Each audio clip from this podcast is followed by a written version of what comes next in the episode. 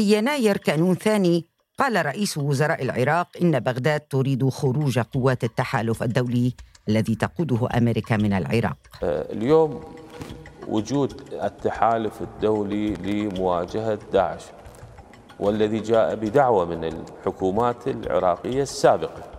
انتهت مبررات.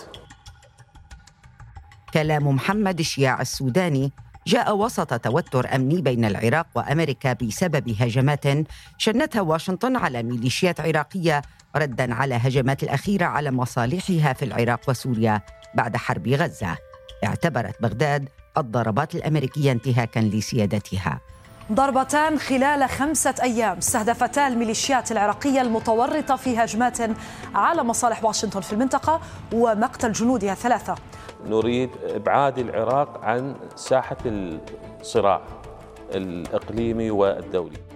لكن وفقا لتقارير إعلامية فإن قوى عراقية تبدو قلقة من خروج قوات التحالف خاصة وأن انسحاب القوات الأمريكية عام 2011 تبعه ظهور تنظيم داعش. سن رافضين للسبب خشية على أن تعاد تجربة داعش. حقيقة داعش لا زال يشكل تهديد وإعادة إنتاج داعش مرة أخرى متاحة لا سيما أنه هو أداة من أدوات الصراع الإقليمي. أكد النائب عن الحزب الديمقراطي الكردستاني خليل الدوسكي أن انسحاب القوات الأمريكية من العراق له عواقب وخيمة على الجانب الأمني والسياسي. في جلسة غاب عنها النواب الأكراد والسنة. رئيس مجلس النواب العراقي بالإنابة أوضح أنه أحال خلال الجلسة طلبا موقعا من أكثر من 100 نائب إلى اللجنة القانونية وذلك حول مقترح قانون لإخراج القوات الأجنبية من العراق. ما الذي يفعله التحالف الدولي في العراق؟ ولماذا يقلق عراقيون من خروجه من أراضيه؟ أنا انتصار يونس وهذا بودكاست زوايا من سوا بودكاست. نرجع إلى إلى الخلف بعض الشيء. يعني في صيف 2014 انتصار اجتاح تنظيم داعش مناطق في سوريا والعراق. في تلك المرحلة سيطر على ثلث مساحة العراق تقريبا. هذا ديار بامرني مسؤول قسم العراق في منصة سوا ديجيتال.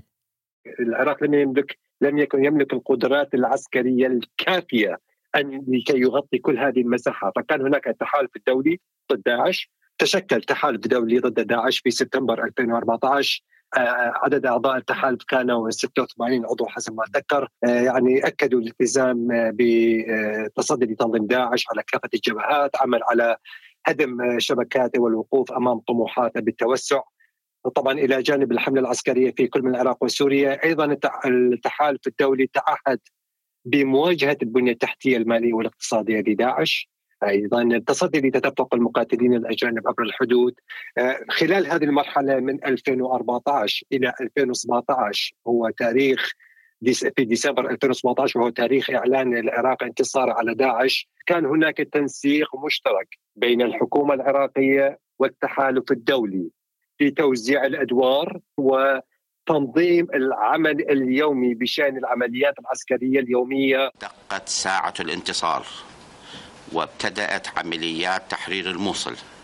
أعلن اليوم ابتداء هذه العمليات البطلة لتحريركم من بطش وإرهاب داعش.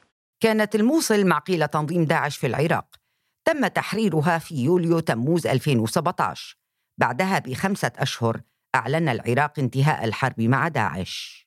لم تنتهي المهام القتالية لأن داعش كان موجود لحد لحد تلك الفترة في بعض المناطق. وصح العراق أعلن الانتصار لكن كانت مناطق مثلا صحراء الأنبار وفي المناطق الصحراوية المناطق القريبة من الحدود العراقية السورية لا زال كان هناك داعش موجود فالمهام القتالية كانت مستمرة إلى أن صار الاتفاق بين بغداد وواشنطن إلى إنهاء هذه المهام في ديسمبر 2021 انتصار أعلن الجيش الأمريكي إنهاء دوره القتالي في العراق. أعلن الرئيس الأمريكي جو بايدن أن الولايات المتحدة ستنهي بحلول نهاية العام مهمتها القتالية في العراق لتبشر مرحلة جديدة من التعاون العسكري مع هذا البلد. لكن ما الذي يفعله التحالف إذا بعد انتهاء الحرب على داعش في العراق؟ التحالف الدولي لحد الآن ما زال موجود في العراق، لكن دوره اختلف من تنفيذ عمليات عسكرية بالتنسيق مع بغداد لمحاربة الإرهاب إلى تقديم المشورة والدعم للقوات العراقية. التحالف الدولي شارك أيضا في إعادة الاستقرار في المناطق المحررة آه، وكان آه، له دور مهم مثلا في أزمة النزوح أيضا التحالف الدولي كان له دور لوقف تدفق المقاتلين الأجانب حماية الحدود العراقية السورية على سبيل المثال أيضا للتحالف الدولي ضد داعش كان له دور مهم للتصدي لجهود تمويل هذا التنظيم الإرهابي والحد من النظام المالي ديار وكيف انعكس اتفاق 2021 وتحول دور قوات التحالف امنيا وسياسيا في العراق؟ بعد 2021 وانتهاء المهام يعني إعلان انتهاء المهام القتالية كانت هناك حالة من الاستقرار لأنه كانت قبل تلك الفترة أيضا هناك مطالبات بإخراج القوات الأمريكية وكان هناك نوع من التشنج من قبل بعض الجهات والرفض لهذه الجهات بالوجود الأمريكي. وبالتالي الاتفاق الذي تم بين الحكومتي العراقيه والأمريكية في 2021 بإنهاء القوى القتالية آه، كان له دور في يعني تخفيف من حدة الأزمة. كانت هناك يعني هجمات تستهدف ارتال قوات التحالف الدولي كان في العراق وسوريا. هذه الهجمات كانت تنفذها هذه الفصائل. لكن لم تكن خطرة مثل ما نشهده الآن من تطورات متلاحقة في العراق من هجمات متلاحقة تستهدف القوات الأمريكية المتمركزة في القواعد العسكرية العراقية إن كان في بغداد أو في آه، الأنبار أو في أربيل. آه، كان هناك نوع من التصعيد لكنه كان آه، محدود بين 2021 إلى 7 أكتوبر من العام الماضي. بعد حرب غزة يعني كان للفصائل المسلحة دور في آه، تصعيد من خلال هجمات آه، تقوم بها هذه الميليشيات استهدفت آه، القوات الأمريكية المصالح الأمريكية إن كان في العراق أو في سوريا أو حتى آخر كان في الأردن وصل عدد هذه الهجمات إلى 170 هجوم اسفرت عن إصابة العشرات من أفراد القوات الأمريكية. ومن هي هذه الفصائل ديار؟ هذه الفصائل تحت مظلة ما يسمى بالمقاومة الإسلامية العراقية هذه الميليشيات أو هذه الفصائل لها دعم مباشر من فيلق آه، قدس آه، أو الحرس الثوري الإيراني بصورة عامة عناصرها وألويتها وقادتها هم من الشيعة. العديد من هذه الفصائل تقول واشنطن إنه هذه الفصائل أو معظمها أو آه، يعني موالية لإيران وبالتالي رد الفعل الأمريكي كان واضح على هذه الهجمات واشنطن بدأت بتنفيذ سلسلة من الضربات آه، التي استهدفت منشآت وأشخاص آه، آه، في هذه الفصائل إن كان في العراق أو في سوريا. هذه الضربات الأمريكية أدت إلى مقتل عدد من القيادات هذه الفصائل المسلحة الموالية لإيران. في 5 يناير وبعد يوم واحد من استهداف الولايات المتحدة لزعيم حركة النجباء الشيعية المرتبطة بإيران وتصنفها واشنطن بالإرهابية. بعد يوم واحد أعلن السوداني أنه سيشكل لجنة ثنائية تضم أعضاء من قوات التحالف لبحث إنهاء وجوده في العراق. لاحقا بدأت محادثات بين بغداد وواشنطن. يقول العراق إنها تبحث خروج قوات التحالف من أراضيه. تستأنف الحكومة العراقية اليوم المحادثات مع واشنطن حول انسحاب قوات التحالف الدولي من العراق بعد أسبوع من التصعيد الأمريكي لمواقع الفصائل المسلحة الذي خلف القصف قتلى وجرحى من الفصائل وتدمير بعض المقار. هناك تضارب في البيانات الرسمية العراقية والأمريكية حول اللقاءات التي تجري الآن بشأن تنظيم وجود الأمريكي في العراق. البيانات العراقية تتحدث عن جدول زمني تم تحديده لاخراج جميع القوات الأمريكية، عندما نتحدث عن القوات الأمريكية هو يطلق عليها القوات الأمريكية لكنهم مستشارين ومدربين وغيرهم من الأصناف الموجودة في داخل العراق، يعني عددهم لا يزيد عن 2500 فرد. البيانات الأمريكية تتحدث عن تنسيق لمستقبل التحالف في ضوء الخطر الذي يشكله تنظيم داعش وقدرات قوات الامن العراقيه. يعني هذا هو التضارب الموجود في التصريحات. يعني الجانب الامريكي يقول لن يكون هناك انسحاب. Let me be clear. The HMC meeting is not a negotiation about the withdrawal of U.S. forces from Iraq. The United States and the coalition are in Iraq at the invitation of the Iraqi government to fight ISIS. يعني هناك اللجنة العسكرية اللجنة العسكرية العليا الآن تبحث في مهمة هذه القوات في المستقبل تنظيم العلاقة العسكرية تنظيم العلاقة الأمنية بين بغداد وواشنطن في المرحلة المقبلة. وتؤكد واشنطن مرارا إنه تهديد داعش لا زال موجود في المنطقة. تطرح تقارير إعلامية ومنها ما ورد في منتدى الشرق الأوسط وهو مؤسسة فكرية أمريكية تساؤلات عن إمكانية انسحاب القوات الأمريكية من العراق في ظل طبيعة النظام السياسي العراقي. يقول البحث الوارد في الموقع إنه إذا انسحبت الولايات المتحدة فإن الحفاظ على التوازن يصبح مستحيلا. في النهاية رئيس الوزراء مقيد هو المشهد السياسي معروف منذ 2003 يعتمد على المحاصصه وتوزيع وتقسيم المناصب سيما الرئاسية بين السنة والشيعة والاكراد يعني نفس النظام السياسي الموجود في لبنان. بحسب النموذج السياسي المتبع العرف السياسي المتبع في العراق. هناك تقاسم أو توزيع للمناصب الرئاسات. رئيس الوزراء يكون شيعي رئيس العراقي يكون كردي ورئيس البرلمان يكون سني. أي منصب من هذه المناصب؟ يعني وصول المرشح إلى كرسي الحكم لن يتم إلا بتوافق سياسي. اولا توافق سياسي بين الأحزاب الداخلية إن كانت الأحزاب شيعيه أو كردية أو سنية وتوافق سياسي عام حول شخصية كل مرشح استحالة الحفاظ على التوازن وفقا لمنتدى الشرق الأوسط انعكس في جلسة للبرلمان العراقي عقدت في العاشر من فبراير شباط للنظر في طلب تشريع قانون قدمه مئة نائب لإخراج ما سمته العريضة المقدمة بالقوات الأجنبية من البلاد غاب عن الجلسة كل من الكتلتين السنية والكردية فهل تخشى هاتين الكتلتين انسحاب قوات التحالف ولماذا؟ وصلنا إلى مرحلة الآن يتحدثون عن ضرورة إخراج القوات ال... طبعا ما يقولون القوات الأمريكية يقولون قوات التح... القوات الأجنبية لماذا يستعيرون هذه المفردة؟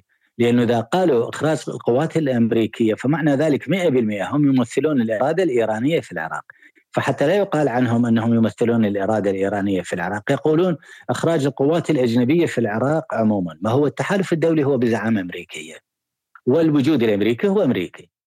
أحمد الشريفي الباحث الاستراتيجي والأمني العراقي وقد سألته عن السبب وراء خوف بعض القوى من خروج قوات التحالف من العراق سنة رافضين للسبب خشية على أن تعاد تجربة داعش. تجربة داعش كانت أقصى تجربة مروا بها. يقولون فقط في الموصل إحنا انطينا 42 ألف ضحية عنف. فضلا عن مع دخول داعش كان قاسم عطا على العمليات في جهاز المخابرات قال إحنا خسائرنا خلال أسبوع وصل 11 ألف. بين شهيد ومفقود في العراق من القوات الأمنية والعسكرية. فالآن السنة يقول لك أنا شنو الضامن؟ أنه إذا انسحبت القوات الأمريكية ما أدخل باللعبة الإقليمية ويردون يطببوا لي داعش أو ماعش الجديد واتعرض إلى اباده أو أفقد مدني.